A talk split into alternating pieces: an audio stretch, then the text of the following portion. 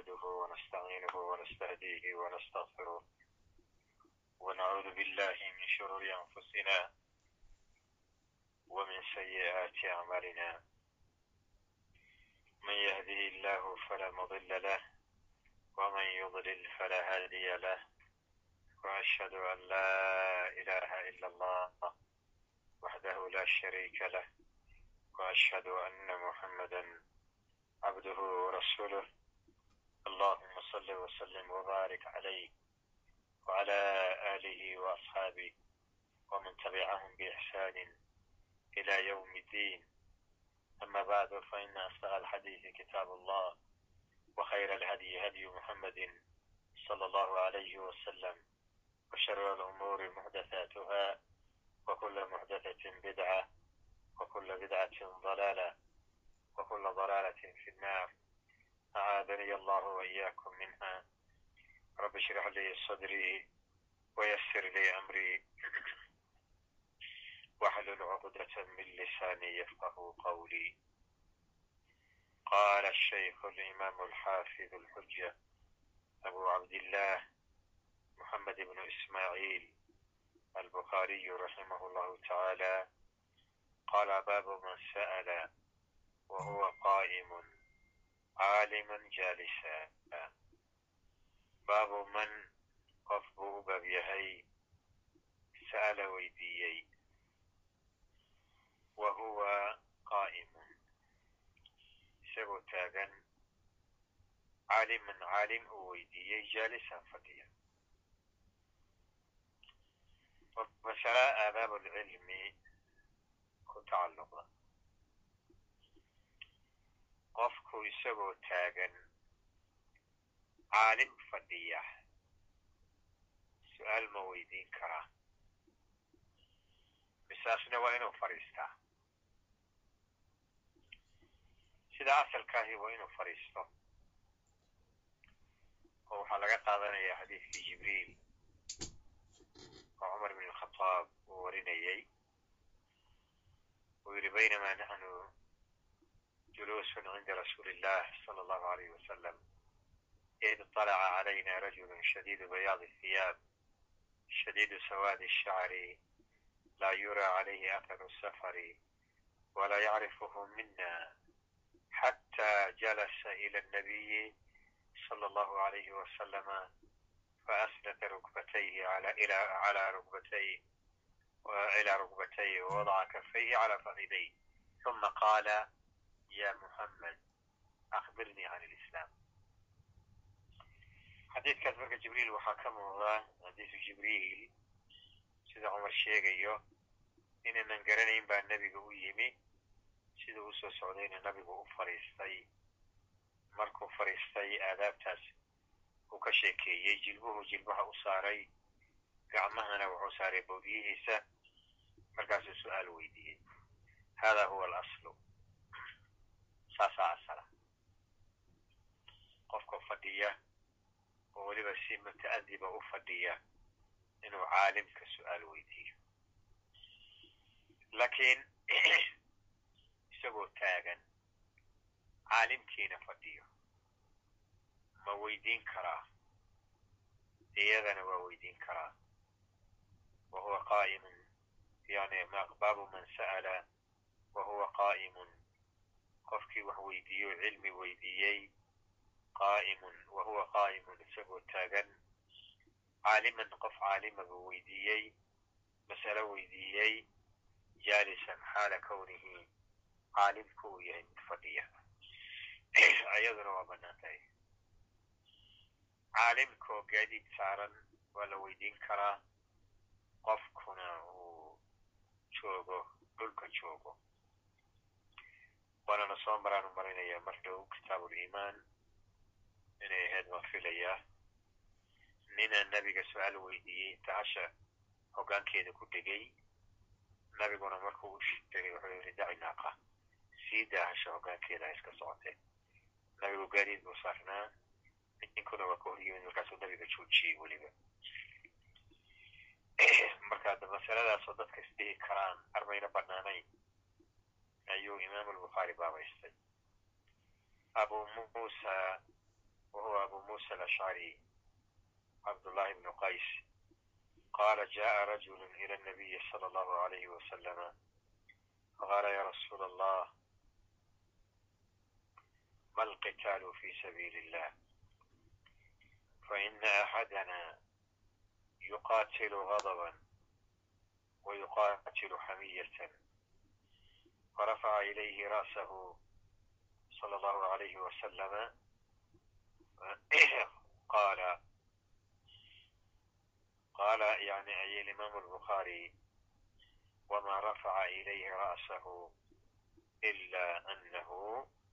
كان قائما فقال من قاتل لتكون كلمة الله هي العليا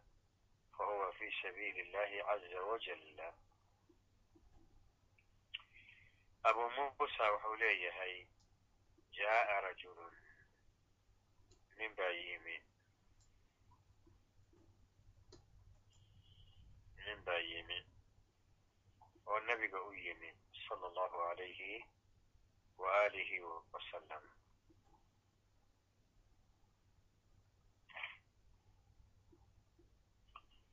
markuu nebiga u yimina su'aal buu weydiiyey jaa ila nabiyi sala allahu alayhi wasalam jaa rajulu nin baa yimi ila nabiyi sala allahu alayhi waalihi wasalama nebigu u yimi faqaala wuxuu yidhi ninkii wasaa'il wax weydiinaya yaa rasuula allah ilaahay rasuulkiisiiyow ma alqitaalu fi sabiili illah alqitaalu fi sabiili illah muxuu yahay yani xaqiiqatuhu dagaal oo dhan baa la yidhaahdaa alqitaal fi sabiili illah yani ammaan badan buu leeyahay fadli badan buu leeyahay qitaalka iyo jihaadka fi sabiili illahi ah marka xaqiiqadiisa rasuul allahu noo cadee qof kastoo dirilaahi fadligaa fadiiladaas helayaan ma alqitaalu fi sabiili illah sababta u weydiiyana dad badan baa dagaalka gala laakiin maqaasidooda qasadkooda kala duwan wuxuu yidhi fa ina axadana axad annaga naga midihi yuqaatilu wuu dirilayaa gadaban carw u dirilayaa yani gaalada u carooday carada u carooday awgeed inuu ka aarsado ayuu u dirilayaa wa yuqaatilu xamiyatan midna wuxuu u dirilayaa xamiye iyo anafo iyo cashiiro awgeed iyo qabiilnimo. Yani kaba soo qaad nin aanu ilaahay dartii u dirinaynin nabigu qaraabanimo ayuu ugu soo hiiliyey yani hiilo qabiil waxaan anagu dira. Soomaalida dha nina saasuu u dirirayaa riwaayad kale xadiis kale wuxuu ahaa nina wuxuu u dirirayaa shajaacatan. Shajaaca u u dirirayaa geesinimo uu qabo. Dagaalkuuba ka helaaba. Dagaal dhacayba inuu ka haray ceeb la tahay. Qasad kalena kama leh. Marka aqraadaas kala duwan iyo umuurahaas kala duwan baa dagaalka loo galaaye marka alqitaalu fi sabiili illahi xaqiiqadiisi rasuul allow ii sheeg farafaca nabigu kor buu u qaaday. Ilayhi ninkii ayuu kor ugu qaaday ra'sahu madaxiisa madaxu kor u qaado isagii daymooday. Kor buu u dayey qaala wuxuu yidhi qaaladani ama waa bukhaari inuu bukhaari yahayna waan filayaa bal dibaan u hubinayaa ama waa axad aruwaat qaala wuxuu yidhi wa adunnu anahu lbukhaari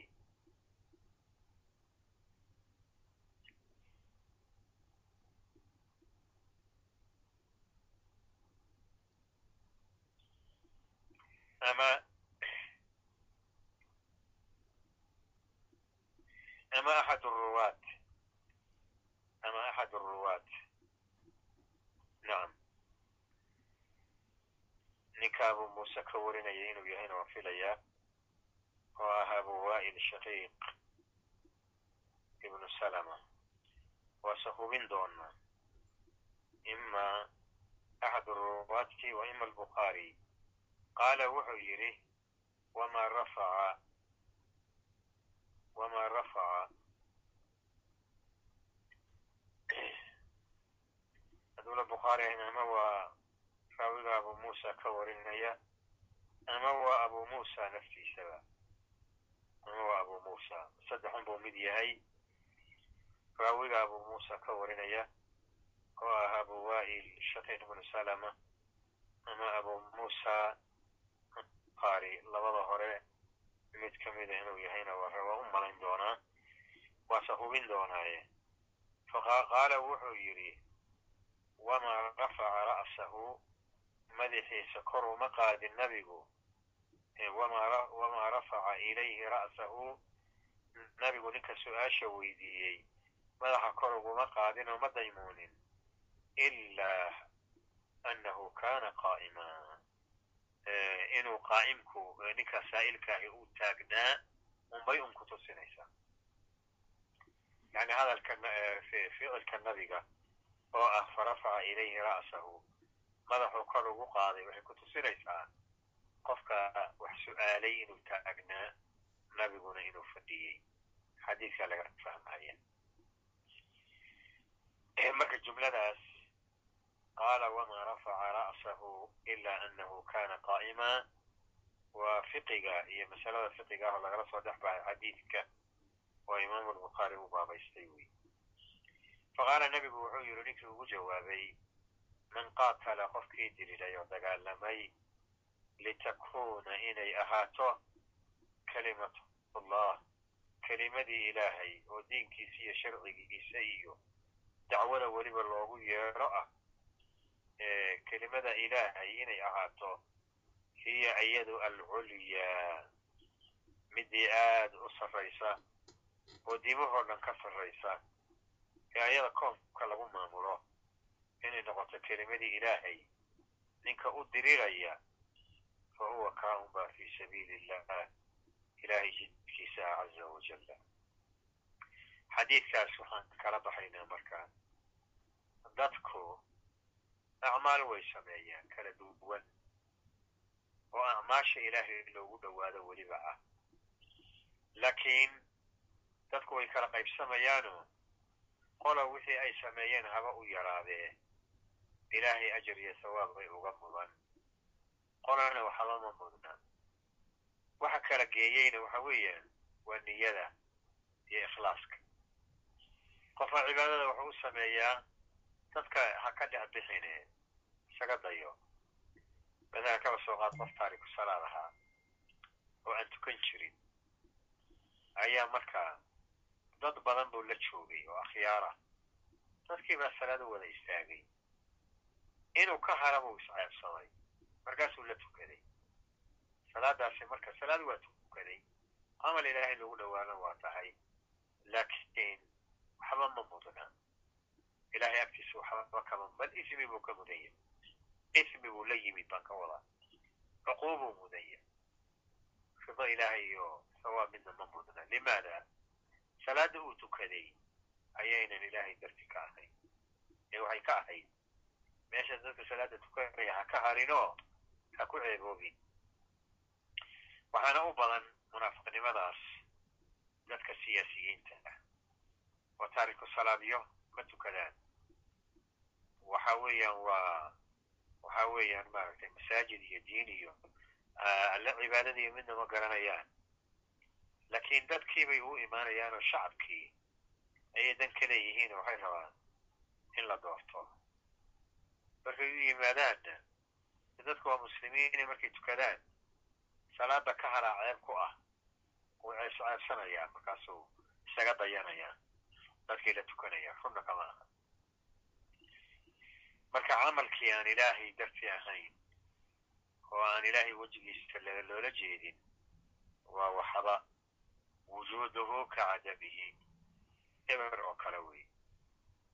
xadiidka taasna waa ka faa'iidaysanay masaladiina waa ka faa'iidaysanay oo masalada waxaan uga faa'iidaysanay nabigu. Madaxa ninka su'aasha weydiiyo kor ugu qaaday. Yani ninkaa taagnaa nabigu saa'ilka ah nabiguna waa fadhiyey sala allahu alayh waali wasalam baabu su'aali waalfutya cinda ramyi aljimaar. Baabu su'aali su'aal bay u baab tahay. Iyo waalfutya iyo fadwadii in la iftoodo su'aashii la iftoodo cinda ramyi aljimaar jimaartu waa jimaartii mina ramyu ljimaar waa buurihii yaryaraa ee mina ku yaalay ee ramyigooda iyo dhagaxa lagu tuuraya ay ka mid ahayd min waajibaati alxaji xajka waajibaadkiisa waana afar maalmood inta la tuuro meelaha la tuurayahayna waa saddex. Maalinta ugu horreeya maalinta ciidda ah hal meela la tuuraayo la yidhahda jamrat alcaqabati alkubraa maalinta kow iyo tobnaad oo ku xigtana saddexdaba waa la isu maraa. Iyo maalinta labiyo tobnaad iyo maalinta saddexiyo tobnaad. Afartaas maalmood baa jabaraadku socdaan. Maalinta ugu horreeyo ciidda waa hal mida. Saddexda maalmood oo ka dambaysana waa kulligood saddexda jabrada marka markaas jabaraadka la joogo oo jabrada la tuuranayo su'aal ma la weydiin karaa caalimka? Caalimkuse ma ka jawaabi karaayo muftiyoon karaa jamratulcaqabana jamradii baa la joogaayo waa la tuuranayaa. Fadhi ma jiro waa socod iyo taagnaan un saas oo kale marka marka cilmigu ma reebana ama soco ama fadhi ama taagnaaw cilmigu ma reebana meeshii suuragal ah in lagu faafiyo ama lagu weydiiyo. Waa un socon. Cabdullaahi bni camrin waa cabdullaahi bni camr bn alcaas qaala wuxuu yidhi ra'aytu nabiya sala allahu alayhi wasalama cinda aljamra wa huwa yus'al. Faqaala rajulu ya rasuula allah naxartu qabla an armiya. Qaala irmi walaa xaraj qaala aakharu ya rasuula allah xalaqtu qabla an anxara qaala inxar walaa xaraj fama su'ila can shayin qudima walaa ukhira ila qaala ifcal walaa xaraj cabdullahi bni camr bn alcaas oo ah saxaabiga nabiga xadiidka ka warinaya qaala wuxuu yidhi cabdillah ra'aytu nabiya sala allahu alayhi wasalam nabigii baan arkay sala allahu alayhi wasalam waxaana ku arkay cinda aljamra jamrada yacni jamrat alcaqabati alkubraa caqabadu waa buurta. Marka iyo jamraduba marka saddex buurood oo kala yar yar weeyaan. Marka midda ugu weyneed kolkaas oo dhinaca maka xigta ayaa lagu magacaabaa jamrat alcaqabati alkubraa hadda ma jiraan jamaraadkii buurihii o dhan meesha waa laga rujiyey waa laga qaaday laakiin way calaamaysan yihiin way calaamaysan yihiin qofkii arkay oo xajiyey ama waa wuu garan karaa marka jamrat alcaqabati alkubraa agteeda bay ahayd waana maalintii ciiddii ahayd caama xajat alwadaac sanadii xajat alwadaac maalintii ciidda ayadaa un baa la tuuraa. Camalka ugu horreeyaoo la qabanayo maalintaasna jamradaa u horraysa jamrat alcaqabati alkubraa maalinta ciidda acmaal dhowr camal ah oo isku xigxigta ayaa la qabtaa waxaana ugu horreeyo jamradoo la tuuro. Waxaa ku xigo hadyi had qofkii waday inuu hadyigii gowraco. Waxaa ku xigo inuu timaha xiirto waxaa ku xigo inuu soo dawaafo kacbadii dawaafu lifaada dawaafu alxaj sacyigana uu ku daro qofkii mutamatica ahaa ama qofka kaloo qaarinka ama mufridka hadduunan dawaafulquduumkii hore uunan sacyin na waa inuu sacyigii ku daraa saasay acmaashu ugu kala dambaysa marka nabigoo jamrat alcaqabati alkubraa taagan oo tuuray ayaa marka dadkii su'aal weydiiyey wa huwa nabigo yus'alu la weydiinayo jamrat alcaqabati alkubraa baa nabiga ku arkay wa huwa yus'al iyadoo la weydiinayo su'aalada badan la weydiinayo su'aaladihii buu soo tixay faqaala wuxuu yidhi rajulun nin baa wuxuu yidhi yaa rasuula allah rasuul allahu naxartu waan gowracay hadyigaygii qabla an armiya intaanan jamrat alcaqaba aanan tuurin ayaan hadyigii qalaye maxaa iga khaldan qaala nabigu wuxuu yidhi irmi hadda tuuro jamradii walaa xaraja dhibna ma leh inaad hadyigii hormarisay dhib ma lehe eh oo jamrada hadda tuuro kaasadaa buu ku tegey qaala aakharu ku kalebaa wuxuu yidhi yaa rasuula allah rasuulka ilaahayo xalaqtu waan xiirtay timihii baan xiirtay ama gaabiyey qabla an anxara inta aanan hadyiga qalin qaala nabigu wuxuu yidhi sala allahu alayhi wasalama inxar gowrac hadyigii walaa xaraja wax dhibana ma leh inaad xiirashadii hormarisay wax dhiba ma lehe laakiin hadyigii gowraco hadda. Haddaanan weli gowracin wuxuu leeyahay marka cabdullahi bn camr bn alcaas famaa su'ila lama weydiin nabiga sala allahu alayhi wasalama can shayin shay wax lagama weydiin. Shay manaasigtii iyo acmaashii xajka ah lagama weydiin shaygaasoo qudima la hormariyey walaa ukhira la dibdhigay ilaa qaala nabigu wuxuu odhanayay ifcal samee wixii aadan falin oo weli kuu dhiman walaa xaraja wax dhibana ma leh su'aalaadka waxaa loo weydiinaya waataanu nidhi acmaashaas afarta ah oo ramyiga naxriga iyo xalqiga iyo dawaafka ah. Waa afar shay. Siday u kala horeeyaane naxriga ugu horeeyo gowraca. Maya waxaa ugu horreeya ramyiga de ramyiga ayaa ugu horeeyo oo jabrada la tuuro.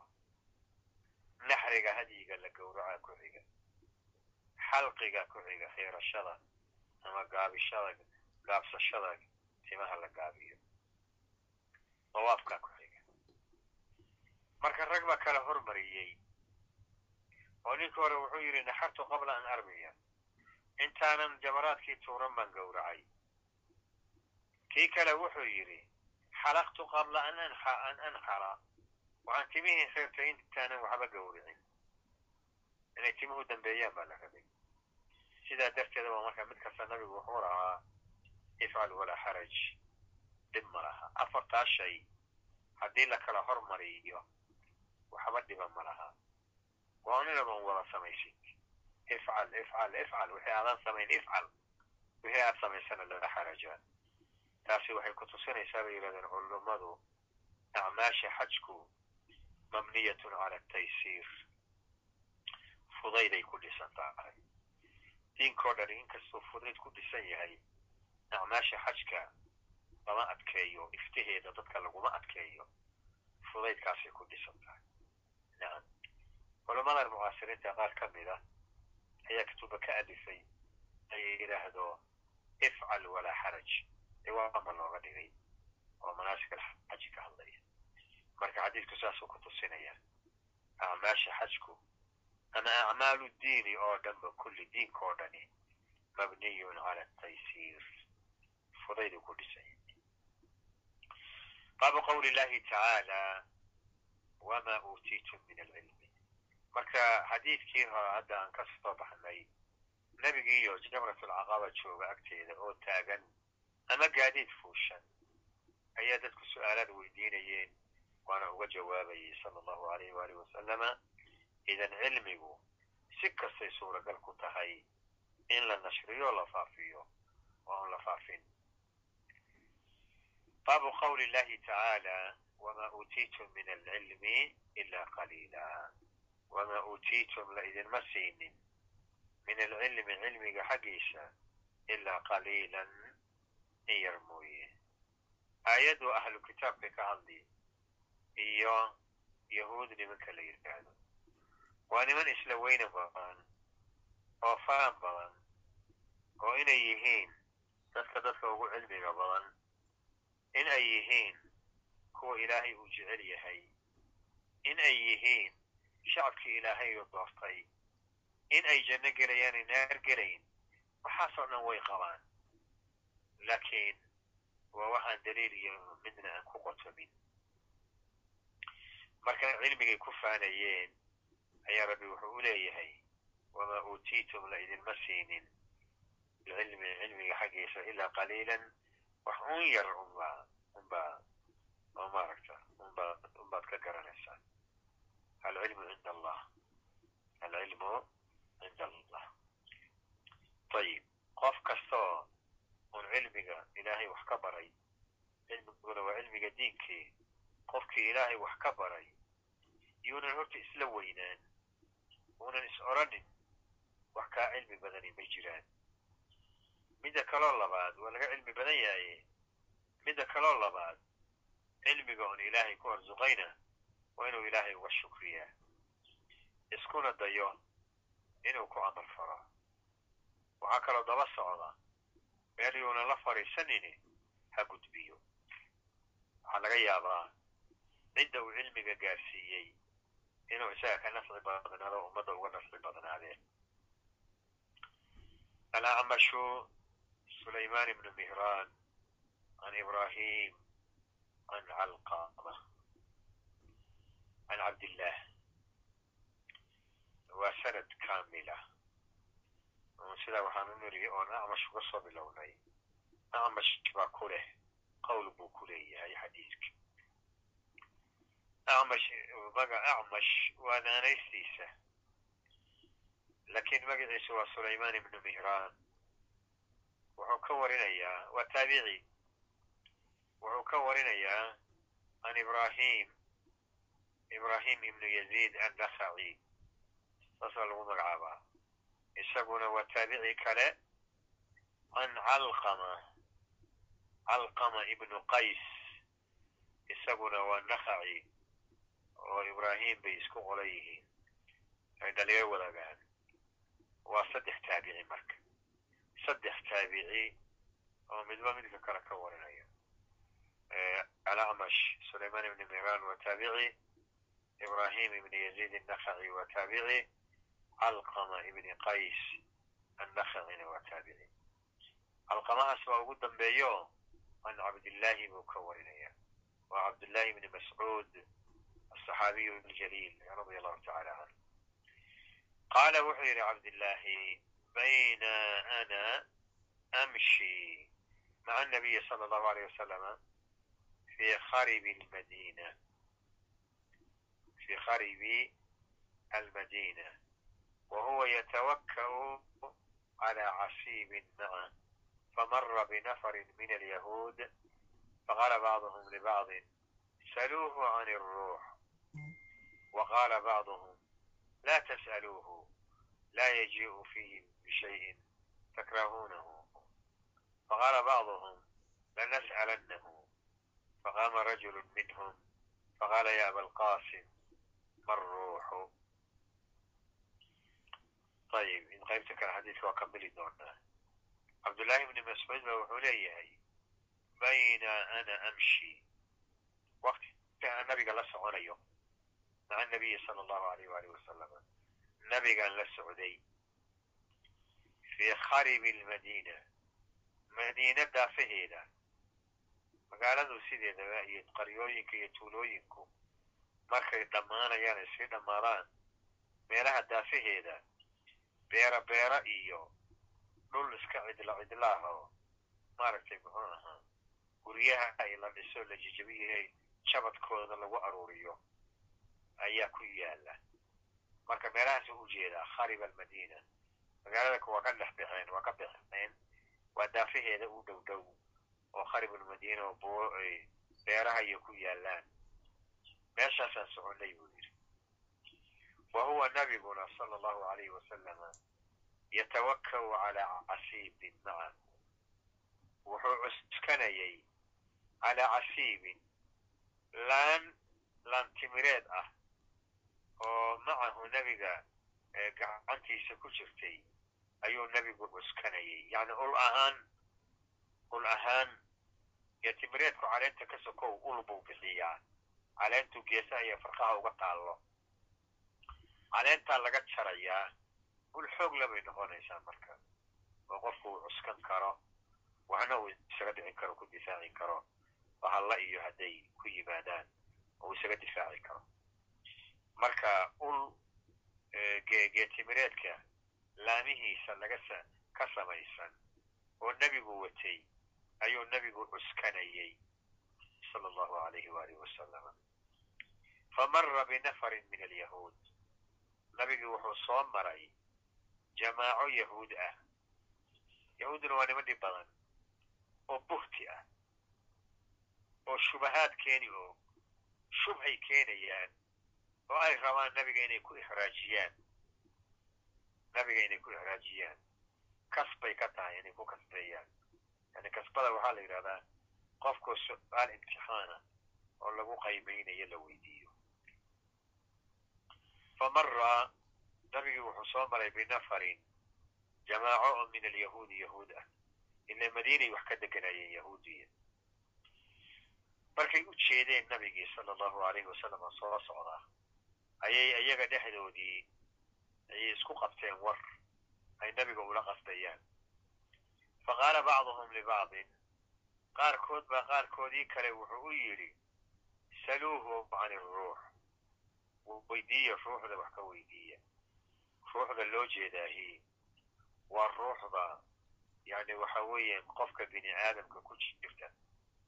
ama bini aadamka keliya mahe wixii nool oo dhan wixii nool oo dhan ilaa waxa nooli waxay ka kooban yihiin ay ka jasad iyo ruux jasadka waa loo jeedaa oo indhaha qaba indhuhu qaban karaan waxa weeyaan waa lafo iyo hilib iyo xidido iyo maqaar isi saaran wey iyo waxa lamida uun marka waa loo jeedaa laakiin ruuxda looma jeedo ruuxda lama arko looma jeedo wax sheegi karana magama jiraan nooca ay tahay iyo siday tahay wax sheegi kara ma jiraan annagayna nagu jirta waxna ma garanayna naftayadii baan wax ka garan la'nahaye maxaan kaloo ma garanaa waxa naga maqan miyan wixii ilaahay nooga sheego maqaybka ka garanayna marka waxay rabaan inay nabiga ku imtixaanaan. Qaarkooda qaarka kale waxay yidhahdeen weydiiya ruuxda wax ka weydiiya. Qoladii kale waxay ku jawaabtay waqaala bacduhum. Qaarkii kale waxay yidhahdeen laa tas'aluu waxba ha weydiinina waxba ha dhaafa laa yajiiu fiihi bishayin takrahuuna oo haddii aad aada weydiisaan waxa adinku aad neceb tihiin inuu ku jawaabaa dhici karta. Yani ayagu marka waxay u weydiinayaan ruuxda nebinimadiisay rabaan nabiga nebinimadiisay rabaan inay imtixaanaan waana og yihiin inuu nebi yahay laakiin waa diidan yihiin. Hadday marka de sidaa u imtixaanaan oo su'aashii marka intay weydiiyaan uu ugu jawaabo waxyin min allah uu ku jawaabo oo xaqiiqadii uu uga hadlo hadday rumayn waayaanna waa takdiibkoodii kufrigoodii bay kufri kale ku darsadeen. Marka qaarkooda waa og yihiin marka inuu nebi yahay laakiin way diidayaan. Marka qaarkeeda waxay yidhahdeen war iska daaya waxba ha weydiinina laa tas'aluu laa yajii'u fiihi bishayin takrahuuna. Haddaad weydiisaan waxaa laga yaabaa jawaabta inuu keeno jawaab aad nacaysaan faqaala bacduhum qaarkood baa waxay yidhahdeen lanas'alannahu wallahi waa weydiinaynaa ma daynayno wallahi waa weydiinaynaa ayagii waa ku adkaystay. Qolada kale ma rabin laakiin qoladaana ku adkaystay. Marka nabiguna waa soo socday. Markay rabeen ay isku qabanayaan. Markii nebigu uu ag marayo oo soo maray faqaama rajulun minhum nin qoladii maaragtay muxuu ahaa go'aansatay inay su'aasha weydiiyaan nin ka mid a ayaa istaagay fa qaala wuxuu yidhi yaa abalqaasim abalqaasimow nabiga waxay ugu yeeri jireen kunyadiisa nebinimada mayo yaa rasuulallah ma dhahayaan sababta taa nebinimadaynan u ogolayn faqaala wuxuu yidhi ninkii yaa abalqaasim abalqaasimow bar ruuxu ruuxdu maxay tahay yani ma hiya xaqiiqatu ruux ruuxda xaqiiqadeedu waa maxay ma hiya ruux ruuxdu waa maxay qaala wuxuu yidhi ninka la yidhahda cabdullahi ibni mascuud fasakata nebigii wuu aamusay shib buu yidhi uma jawaabin faqultu waxaan naftayda u idhi inahu yuuxaa ilayh nebiga waa loo waxyoonayaa. Ila nabiga sala allahu alayh waalihi wasalama marka waxyiguu ku soo degayo lalama hadlo mana uu hadlo. Wax yar suga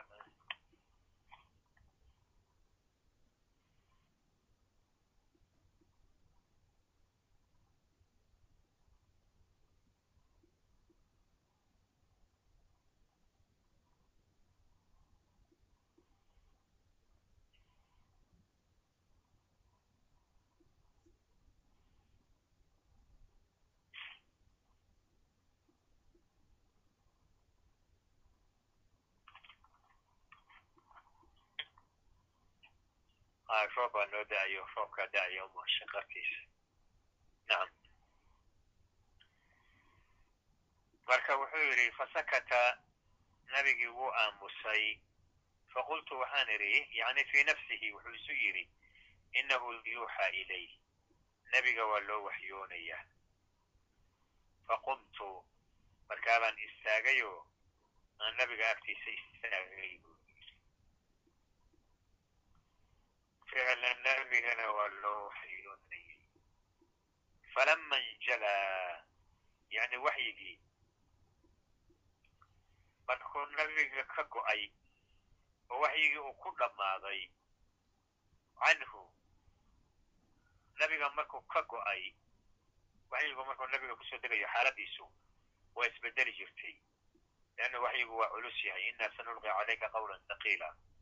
karbo badan ayaa nebiga ku soo ayaa ku soo degaysa marka markii waxyigu ka go'o caadi buu ku soo noqonayaa nabigu sala allahu alayh waali wasalam marka markuu ka faydimay oo waxyigii ku dhammaaday qaala nebigu wuxuu yidhi aayaddii ku soo degta buu akriyey wayasaluunaka can iruux qul iruuxu min amri rabbii wma uutuu min alcilmi ila qaliila wma uutiitu min alcilmi ila qaliila aayaddu wasaas aayaddaasaa soo degay waa qiraa'o kale baa laga yaabaa wma uutuu aayaddu wma uutiitu min alcilmi ila qaliila qiraa'adaas yani hadda noo taalo masxafka noogu taal wayasaluunaka waxay ku weydiinayaan nebi iruuxi ruuxday kaa weydiinayaan. Qul waxaad tidhahdaa nebi muxamedow alruuxu ruuxdu min amri rabbii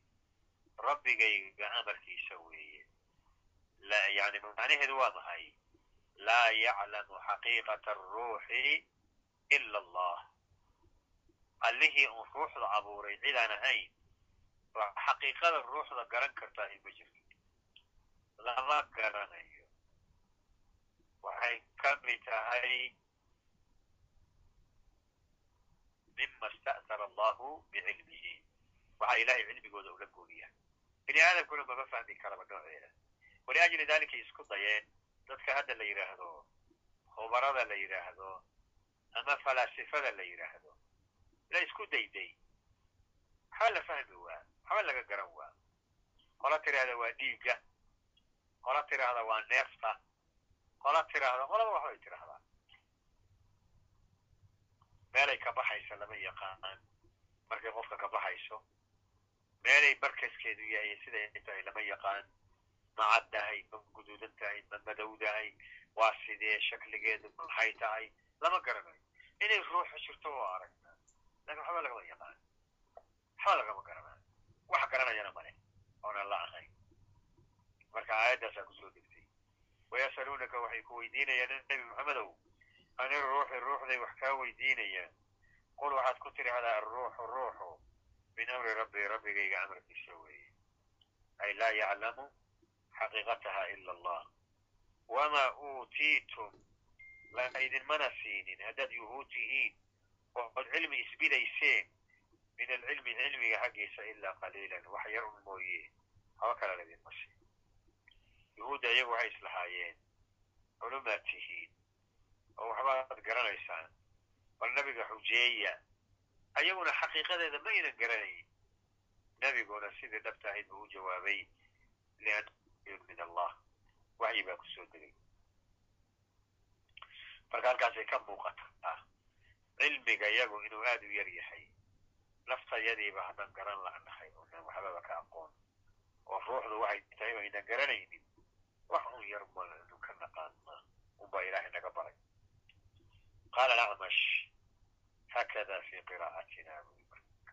waa laba qiraa'o wamaa uutiitum min alcilmi ila qaliila iyo wamaa uutuu min alcilmi ila qaliila acmash ba wuxuu leeya haakada fi qiraa'atina yani qira'atu ahli lkufa leannu waxa weeyaan acmash waa ahlu kufa wey qiraa'ada iyadu waa saas buu yiri saasay ayagu aqri jireen wamaa uutuu min alcilmi ila qaliila laakiin qirada hadda noo taalla oo masxafka noogu taalla wamaa uutiitum min alcilmi ila qaliila ayib waa ka muuqataa marka cilmiga iyagu inuu yar yahay baabu man taraka bacd alikhtiyaar makhaafata an yaqsura fahmu bacd الnaas canhu fayaqacu fi ashadda minhu baabu man qof buu u baab yahay taraka ka tegey bacd alikhtiyaar yani masaa'il uu isagu dooranayay yani doorashada waxaa laga hadlayaa fahamkiiyo mas'aladu xaqiiqadeedii iyo siday tahay wajka wajka uu dooranayay inuu iftoodo ama uu ku camal falo ayuu ka tegey muxuu uga tegey makhaafata an yaqsura fahmu bacdi annaas cabsasho uu ka baqayo dadka qaarka inay fahmi waayaan oo faham la'aantaas iyo camalku ay fidno kale dhaliso oo fa yaqacuu ay ku dhacaan fii ashadda minhu wax ka daran inay ku dhacaan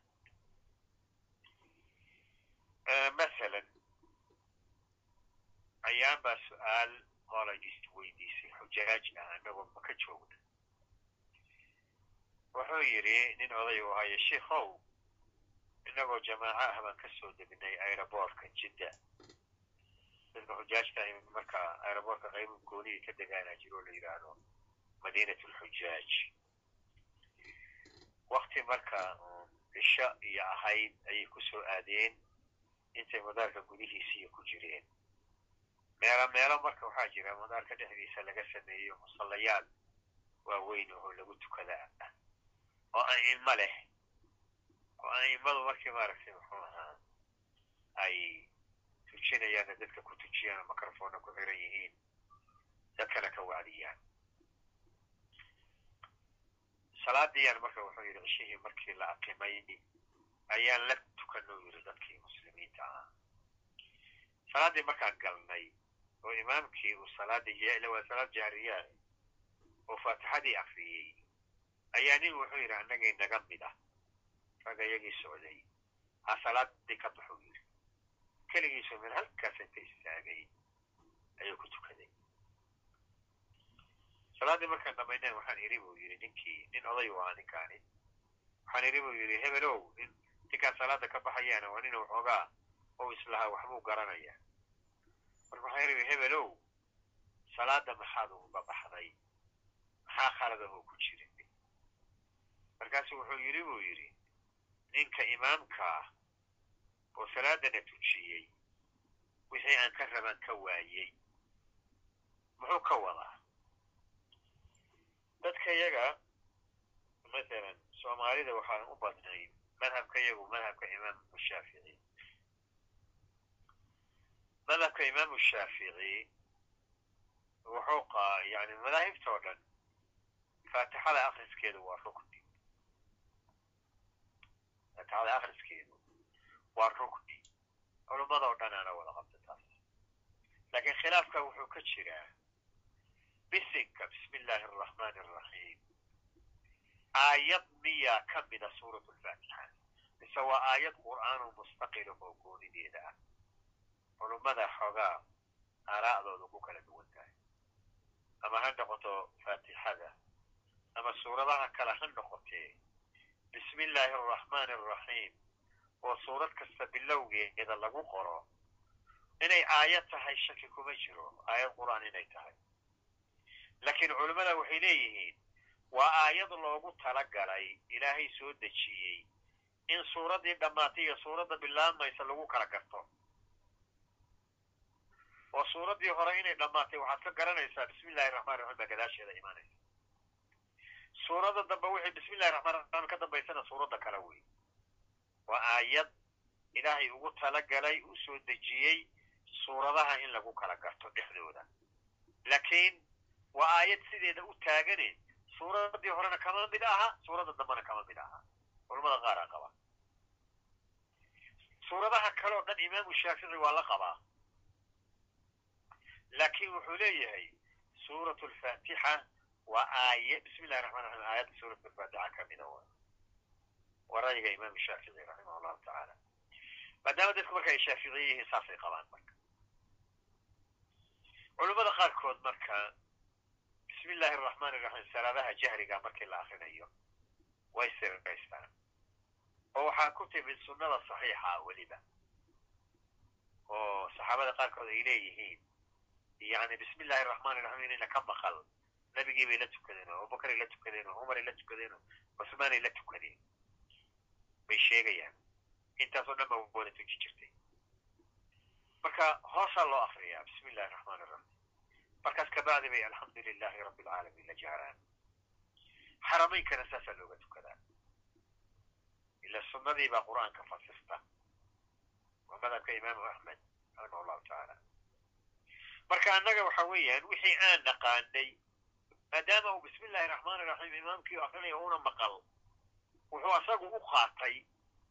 ama ha u qaato ama waxa weeyaan ha ka ahaatay mucaanadee wuxuu rabaa inuu u fasiro oo yidhaahdo ninkaani bismi illahi raxmaan raxiim ma akrin aayad faatixadii ka mida buu ka tegey. Faatixaduna waa rukni salaada ka mid ah haddii maaragtay muxuu ahaa faatixadaas oo aayad ka mida tegana faatixadii o dhan buu ka tegey salaadiisuba ma ansixin halkaasuu ka bixina. Sababto ay tahay saasaa wax loo baray. Ufuq kalena ma leh. Kutub kale iyo sunnada iyo midnana ma akrin aqwaalulculamaana ma akrin marka masalan ka soo qaad adaa imaama. Imaamaad noqotay nin caalim oo meel ka yid kaale la tuji waa lagu tujiyo. Daalibulcilmi baa waxbaad soo baratay dadkuna saanay yaqaanaan. Siday yaqaanaan si aan ahayn haddaad u tukatid fidnay ku noqoneen marka. Fidnay ku noqoneen. Sida hadda ninkaasi u fidnoobo salaada uga goostay ay fidno u noqoneen. Adiga ikhtiyaarkaaga sunnadii baa taqaanaa masalada waa garanaysaa. Laakiin haddaad hadda faatixada aad markaad akrinayso bismi illahi raxmaan raxiim aad la jaartid laa xaraja wax dhiba ma laha. Marka tusaale ahaana taas u soo qaadayaaye ayi mas'ala oo mas'aladu saxiix ay tahay oo adigu ikhtiyaarkaaga ay sidaa tahay laakiin inay dadku fahmaynin hadday kugu arkaanna fidna ay ka dhalanayso ka tag ka tag fidnada dadkaa ka dhib badan ee camalkeeda saas uu leeyahay man taraka qofkii ka taga bacd alikhtiyaar ikhtiyaarka qaarkii masaa'il uu isagu dooranayay yacni wujhatu nadarkiisa uu dooranayay oo weliba saxiixa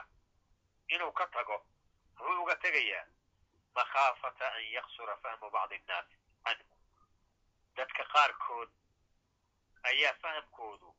ka gaaban yahay intaas. Ma fahmi karo ikhtiyaarkaaga iyo ma fahmi karo. Marka saas hadday tahay inay dadku ayna fahmi karaynin bacd annaas haddayna fahmi karaynin ha iftoon. Ka aamus ila ma fahmaayaan camalkeedana jooji ayaga hortooda ku camalfali kaligaa haddaad tahay ku camalfali laakiin ayaga hortooda maya ila imaam lagugu dayanayaa tahaye mufti baa tahaye fahamkoodiina ma fahmi karaan oo haddii waxa ayna fahmaynin adigu aad samaysid fayaqacu fi ashadda min munkar camalkii masalada aad adigu ku camal fashay ka raajaxsan ay ku dhacaan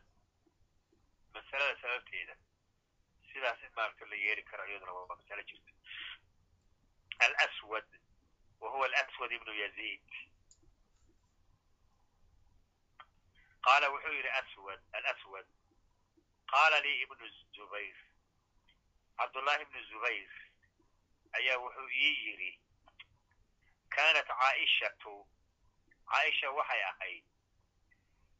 maya nacam ha ibnu zubayra weydiinaya qaala lii ibnu zubayr ibnu zubayr ba wuxuu ii yidhi buu yidhi kaanat caaishatu caaisha waxay ahayd tusiru ilayka kasiiran in badan ayay wax kuu kuu sheegi jirtay cilmi cilmi bay kuu sheegi jirtay badan bay kugu gooni yeeli jirtay alaswad wuxuu ka mid ahaa dadka caaisha cilmiga ka xambaaray buu ka mid ahaa oo weliba talaamiideeda khaaskaa buu ka mid ahaa marka cabdullahi ibnu zubayra ku leh aswadow caaisha cilmi badan bay kuu siraysan jirtay kasiiran in badan famaa xaddathatka fi lkacba kacbada maxay kaaga sheegtay xadiis uu og yahay ninka la yidhaahdo cabdullahi ibnu zubayr inay caaisha warisay oo nabiga ka warisay ayuu markaa aswad ayuu rabaa inuu ka xaqiiqsado isaguna waa garanayaayo caaisha uu ka maqlee bal wuxuu rabaa intii uu ka maqlay inuu ama wax ku ziyaadiyo ama wax ka yareeyo. Marka caaisha wax badan bay ayay kuu siraysatay. Caaishana waa cabdullahi ibnu zubayr habareerti marka maxay kaaga sheegtay buu yidhi kacbada? Qultu waxaan idhi buu yidhi qaalat lii waxay ii tidhi. Qaala nabiyu sala allahu alayhi wasalama nabigi ilaahay baa wuxuu yidhi yaa caaishatu caaishoy lawlaa qawmuki xadiisun cahduhum lawlaa qawmuki qowmkaaga iyo reertolkaa hadduunan ahayn xadiisun cahduhum islaamnimadoodu miday dhowdahay haddaynan ahayn qaala ibnu zubayr ibnu zubayr wuxuu yidhi bikufrin yacni gaalnimadii markay ka soo baxeen baa dhow oo weli cilmigii ma degin weli kufrigii baa ku dhow ilka qofka marna soo islaamay oo kufrinimadii ku dhowdaana cilmigiisaa yar taasi haddayna jiri lahayn lanaqabtu lkacba kacbadan dumin lahaa markaasaan dib u dhisi lahaa fajacaltu laha baabayn laba baabaan u yeeli lahaa baabun yadkhulu nnaas baab dadku ay ka soo galaan iyo wa baabun yakhrujuun iyo mid ay ka baxaan ayaan u yeeli lahaa laakiin waan iska daayey waxaan isaga daayeyna qowmkaagabaa islaamnimadu ku dhowdahayo inay arrintaa dhibsadaan ay fahmi waayaan oo marka ay yidhaahdaan moxamed baa kacbadii ku cayaaray saasaan uga baqayaaye saasaan yeeli lahaa. Nebigu waa ka tegey marka. Mas'ale uu nebigu mukhtaar ahaa uu doortay oo weliba mas'ale saxa ah ayuu nebigu uga tegey markay muxuu ahaa inay quraysh intay fahmi waayaan ay fidno kale ku dhalisho waana kacbada dhismadeeda kacbada hadda sidaad u aragtaan inay dhisan tahay hal albaab bay leedahay albaabkuna waa sarreeyaa ad buu u sarreeyaa jaran jaro in lagu fuulo mooye si kale laguma fuuli karo marka dadkay iyagu rabaan keliyay geli jireen saasay u dhisnay midda kale dhinaca maaragtay waqooyiga xaggiisa kacbadu fii qawaacidi ibraahim kama kuma dhisna meel yaroo xeraaha jirto xaraysan oo la yidhahdo xijru ismaaciil kacbaday ka mid ahayd laakiin quraysh baa inta markay dhisayeen kacbada ayaa nafaqadii ku yaraatay markaasay intaas ka gooyeen marka nebigu wuxuu leeyahay sala allahu aleyh waalihi wasalama haddii aanan tiyaa ka baqaynin waan waan kacbada waan ballaarin lahaayo intii qawaaciddii nabiyullahi ibraahim ayaan ku dul dhisi lahaa. Albaabkan sarreeyana hoosaan u soo dejin lahaa oo dhulkaan keeni lahaa dadku ha ka galeene. Albaab kaleto ku aadan oo ciddii kacbada gashaahi ay ka baxdana waa u yeeli lahaa. Laakiin waxaan ka baqayaa inay ku fidnoobaan ay fahmi waayaan saasuu nabigu uga tegay fafacalahu ibnu zubayr. Ibnu zubayr waa sidii yeelay marka. Maxaa yeele waktigii ibnu zubayr fitnadaas laga baqi mayn oo dadku islaamkii way fahmeen oo cilmigiibay yeesheen oo hadalka nabigu sala allahu alayhi wasalam iyo tamaniga nebigu yani yaqacu mawqicahu fii quluubihim quluubtooda saamayn buu ku leeyahay sidii nebigu sheegay ayuu cabdullahi ibnu zubayr u dhisay marka markaana cabdullahi ibnu zubayr maka isagaa joogay oo haysto khaliifka ahaa nimankii la dhihi jiray bani umaya markay ku soo duuleen oo ay maka ka qabsadeen cabdullahi ibnu zubayr. Cabdullahi ibnu zubayrna ay dileen. Ayaa markaa reer bani umaya waxaa markaa u ahaa khaliif ahaa cabdulmalik ibni marwan. Markaasuu amar wuxuu ku bixiyey hala dumiyo kacbadii. Sidii hore ha lagu celiyey. Sidii horea lagu celiyey. Markaa kabacdi boqorradii ka dambeeyey oo bani lcabaas iyo ayaa iyaguna waxay isku dayeen intay mar kale dumiyeen inay sidii cabdullahi ibnu zubayr u dhisay nebiguna u tamaniyay u celiyaan. Laakiin waxaa ka diiday culummadii markaa joogtaa ka diiday. Culummadii markaa joogtay. Ama reer bani lcabaas ma ahayn isla bani umayaa naftoodii maaragta waa ka diidoon imaamu malik yaa ka mid ahaa oo diideen sababta ay taa yidhaahdeen waxaan ka baqaynaa inay kacbadu noqoto lucba biaydi lmuluk boqorradu inuu nin walbaa sidii hawadiisa ah u yidhaahdo waxbaan u dhisayaa ee markaa kacbada haybadeedii dadka qulubtooda ka baaba'do waa laga diiday marka sidii yaa loo daayey sidii bay baaqi u tahay danta marka xadiidka laga leeyaha waxay tahay nabiga sala allahu alayhi wasalama mas'aladii isagaa agtiisa mukhtaarka ka ahayd oo nebigu uu tamaniyey inuu u dhiso kacbada wuxuu isaga daayey inay fahmi waayaan quraysh oo markaa ay fitna ka dhalato waana masaa'ilka oo dhanne taas keliya maaha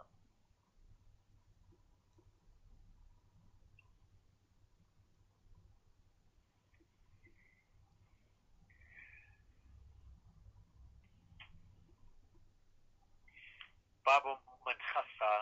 bilcilmi qawman duna qawmin karaahiyata an laa yafhamuu baabu man qof buu u baab yahay khasa bilcilmi cilmiga ku gooni yeelay qawman qowm ku gooni yeelay duuna qawmin qowm kale ka sokay sababtuna waa mahay karaahiyata an laa yafhamuu dadka kale inay fahmi waayaan nicitaan la nahayo yani ninkii caalimka ahaa waxayna caamatu nnaas ayna fahmaynin ayuu dalabatulcilmiguse ay fahmahayaan inuu dalabatulcilmiga ku gooni yeelo dadka caamkaana uuna dhex dhiginin ayaduna waa mas'alo kale. Sida nebiguba uga tegay bacd alikhtiyaar inay qurayshi fahmi weysto haddii qofka caalimkaahi uu ka baqo dadka inay mas'alada fahmi waayaan inuu ka aamuso ciddii fahmaysana uu ku gooni yeelo. Baabu man khasa bilcilmi qawman duuna cilmin. Ninkii ku gooni yeelay cilmiga dad ku gooni yeelay dad kale ka sokay dad kalena daduu ku gooni yeelay dadna waa waa waa ka wareejiyey waa ka weeciyey marka kuwuu ka weecinaya sababta uga weecinaya waa maxay? Karaahiyata an laa yafhamuu inayna fahmin buu ka baqaya u dhahaya. Qaala caliyun wa qaala caliyun wa caliy bni abi aalib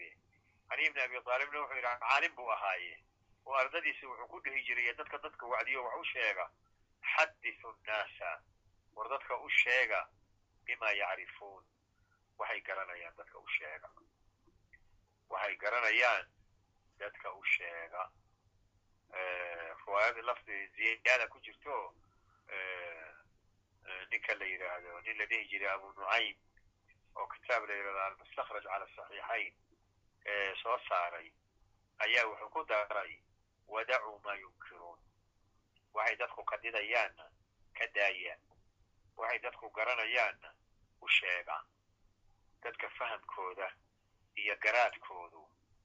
meel weyn ma jiro caamada ah haddana caadaad iyo dhaqamo dadkii ahlu cilmiga ay u ogaayeen ay ku arkeenna way haystaan oo dhagaha u daloolay waxa qariib ku ah oo ayna fahmi karaynin haddaad u keentid waa didi way ka didayaan. Marka dadku waxay garanayaan u sheegaa waxay ka didayaanna ka daaya. Cali baa sidaa yidhi xadisu nnaasa bima yacrifuun. Wa fii riwaayatin waxaa lagu ziyaadiyey wadacuu maa yunkiruun. Waxay inkirayaan nacayaan ka didayaanna ka daaya wuxuu ku daray marka atuxibuuna miyaad jeclaanaysaan an yukadaba allahu wa rasuuluhu. Alle iyo rasuulkiisa in la beeniyo miyaad jeclaanaysaan waxaa laga yaaba inaad aayad qur'aana u sheegayso waxaad u fasiraysa ayad qur'aana tahay ama xadiid nabi ay tahay laakiin uuna fahmaynin oo uu yidhaahdo hadalkaasi ilaahay ma oran rasuulkiisuna ma oran asagay la qaraaraatay maadaama marka asagii uunan aqoonin wixiina ay la qaraaraadeen fahamkiisiina aad adigu deeqsiin weysay ood fahamsiin weysay de fidnadaas marka waxa weeya waa khatar waayo qofka wax sheegayo oo dadka waxu sheegayo xadisu nnaasa bima yacrifuun waxay garanayaan dadka u sheega oo waxay nacayaan amay ka didayaan o ynan aqoonin oo ydaan fahamsiin karinin ka daaya. Atuxibuuna miyaad jeclaanaysaan an yukadaba allahu warasuuluhu alle iyo rasuulkiisa in la beeniyo waa maya. Qof jeceli ma jiro sabab ha u noqon marka adiga. Sabab ha u noqon. Dadka caqligooda iyo garaadkooda iyo fahamkooda iyo thaqaafadooda qadari iyo qaymeen bii'adooda qadari. Si ay wax ugu fahmi karaanna ugu caddee haddii kale fidno unbaa ka dhalan karta. Nacam markaas kabacdi ayuu marka hore calaa sabiil wuxuu u ekaa xadiidku xadiid mucallaqehe bukhaari marka waa xiriiriyey wuxuu yidhi xadathana cubayd llahi ibnu muusa can macruufin ibnu ibnu kharabudin can abi tufayl can caliyin bidalika sanadkii buu soo kaxeeyey marka anas ibnu malikin ana nabiya sala allahu alayhi waalihi wasalama ومعاذ يعني أن النبي صلى الله عليه وسلم ومعاذ رديفه على الرحل أنس nabigii ilaahay sala allahu alayhi wasalama wa mucaadun ay walxaal mucaadun radiifuhu mucaadna uu nebiga u yahay radiif cala araxli kooraha lagu fuulo fardaha iyo geela iyo wixii la mid ah yacni nebigu gaadiid buu saarnaa mucaadna waa la jiray oo waa la socday oo gaadiidkaa nebigu saarnaay buu la saarnaa weliba nabiga dhabarkiisa danbuu fadhiyey radiifku waa sidaas qaala wuxuu yidhi nabigu yaa mucaad ibna jabalin mucaad ibnu jabalow qaala wuxuu yidhi mucaad labayka ya rasuula allah wasacdayk rasuul allow ku ajiibay oo ku ajiibay oo ku ajiibay wasacdayk kugu saaciday ajiibitaanka aan ku ajiibayo qaala wuxuu yidhi nabigu yaa mucaad mar labaad sidiiuu ku celiyey labayka ya rasuula allah wasacdayk halaaan saddex jeer saddex jeer baa nabigu ya mucaad ya mucaad ibnu jabal mucaadna uu lahaa labayka ya rasuula allah wasacdayk mar labaad uu ku celiyey ya mucaad ibnu jabal markaasuu mucaad ku celiyey labayka ya rasuula allah wasacdayk mar saddexaad uu nabigu yidhi ya mucaad ibnu jabal mar saddexaad uu haddana yidhi labayka ya rasuula allah wasacdayk halaathatu wasaas qaala wuxuu yidhi markii afaraad nabigu ma min axadin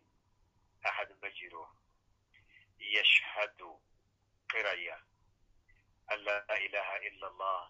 ay an laa macbuda bixaqin ila allah macbuud la xaqnimo lagu caabudo alla mooye wa ana muxammadan nebi muxammedna rasuulu llahi sala allahu alayhi wasalama rasuulkii inuu yahay qira sidqan min qalbihi isagoo qalbigiisa ka run sheegaya qof sidaas lihi ma jiro ilaa haddii uu jiro xaramahu allah ilaahay waa ka xaaraamtinimeeyaa cala naari naartu ku xaaraamtinimeeya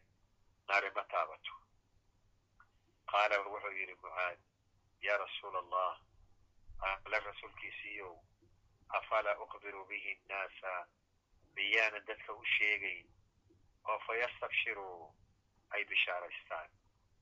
sababto ay tahay addoonku an yashhada an laa ilaaha ila allah wa anna muxammadan rasuulu llah sidqan min qalbihi isagoo qalbiga ka run sheegaya inuu sidaa yidhaahdo waa camal fudud waa camal fudud laakiin waa qofka ilahay u fududeeyo wa ilaa dadka intoodii badani qaydkaas sidqan min qalbihi baa dad badani ka maqaya marka waa camal fudud dadku waa ku bishaaraysanayaan marka afalaa uqbiru bihi nnaasa miyaanan dadka u sheegayn oo fa ay ku bishaaraystaan qaala nebigu wuxuu yidhi idan yattakiluu haddaad sidaa ugu bishaaraysid intaas bay tala saaranayaan oo waxay u fahmahayaan inaan camalba laga rabin maadaama keliya ay ku filan tahay shahaadat an laa ilaha ila allah wa anna muxammadan rasuulu llah inay naar uga badbaadaan jannada ay ku liibaanaan camalka kaleo dhan ka tegayaan camalka kaleo dhan inay ka tegayaan saasay u fahmahayaan xaqiiqaduna saas maaha kelimada inaad ku dhawaaqdid sidqan min qalbika ibtigaaa wajhi illah muxuu ahaa muqtadayaadkeeniina aad la timaadid salaadii sadaqadii soonkii xajkii alla ka cabsigii daacadii oo dhan ayaguse waxay laga yaabay inuu fahmaan caamadu intaas keliya kelimada lagu dhawaaqo keliya inay tahay oo marka camalkii kale ay iska daayaan saasuu nabigu ka baqay laakiin mucaad saas uga baqi maayo mucaad waa faqiih min afqahi saxaaba buu ahaa saa darteeda buu mucaad ku gooni yeelay dadkana uu yidhi u kaadi idan yattakiluu inay tala saarato way tala saaranayaan wa akhbara biha mucaadun mucaad xadiidka wuxuu sheegay cinda mawtihi markuu dhimanayay ta'asuman ay khawfan min alismi ismi baqid uu ka baqayo cilmigaa nebigu ku gooni yeelay oo keligii uu nabiga ka maqlay oo cid kale oo ka maqasha aynan jirin ama afraada la mida oo kale mooyaane uunan ummaddii gaarsiinin hadduu dhinto in ismi ka soo gaaro ayuu ka baqayoo markuu dhimanayuu sheegay ka hor ma sheegin ka hor ma sheegin sababta tacadalka xadiidka oo ah idan yattakiluu ayaa ku tusinaya inuu nabigu u ishaaray ha gudbin xadiidkan sababto ay tahay si khalad ay u fahmiyaan oo inaan camal laga rabin kelimadaas shahaadat an laa ilaha illa allah wa anna muxammadan rasuulullah keligeed ay ku filan tahay oon camal laga rabin bay u qaadanayaan laakiin macad uma qaadanaynin saa darteed buu markaa nebigu ku gooni yeelay cilmigii mucaad uu ku gooni yeelay duuna gayrihi karaahiyata an laa yafhamuu inaynan cilmiga xaqiiqadiisa u fahmin naam waa la fahmaan umaranaya inaad fahamteen xadiidka kale oo noogu dambeeyay casharka waa anas ibn malikin bardo qaala wuxuu yidhi dukira lii waxaa la ii sheegay hadduu anas yahay ana nabiya sala allahu alayhi wasalama nabigii ilaahay qaala inuu yidhi limucaad ibnu jabalin mucaad ibnu jabal inuu u yidhi man laqiya allaha qofkii alla la kulma yani cinda almowt weyi markuu dhimanayo laa yushriku bihi shay-an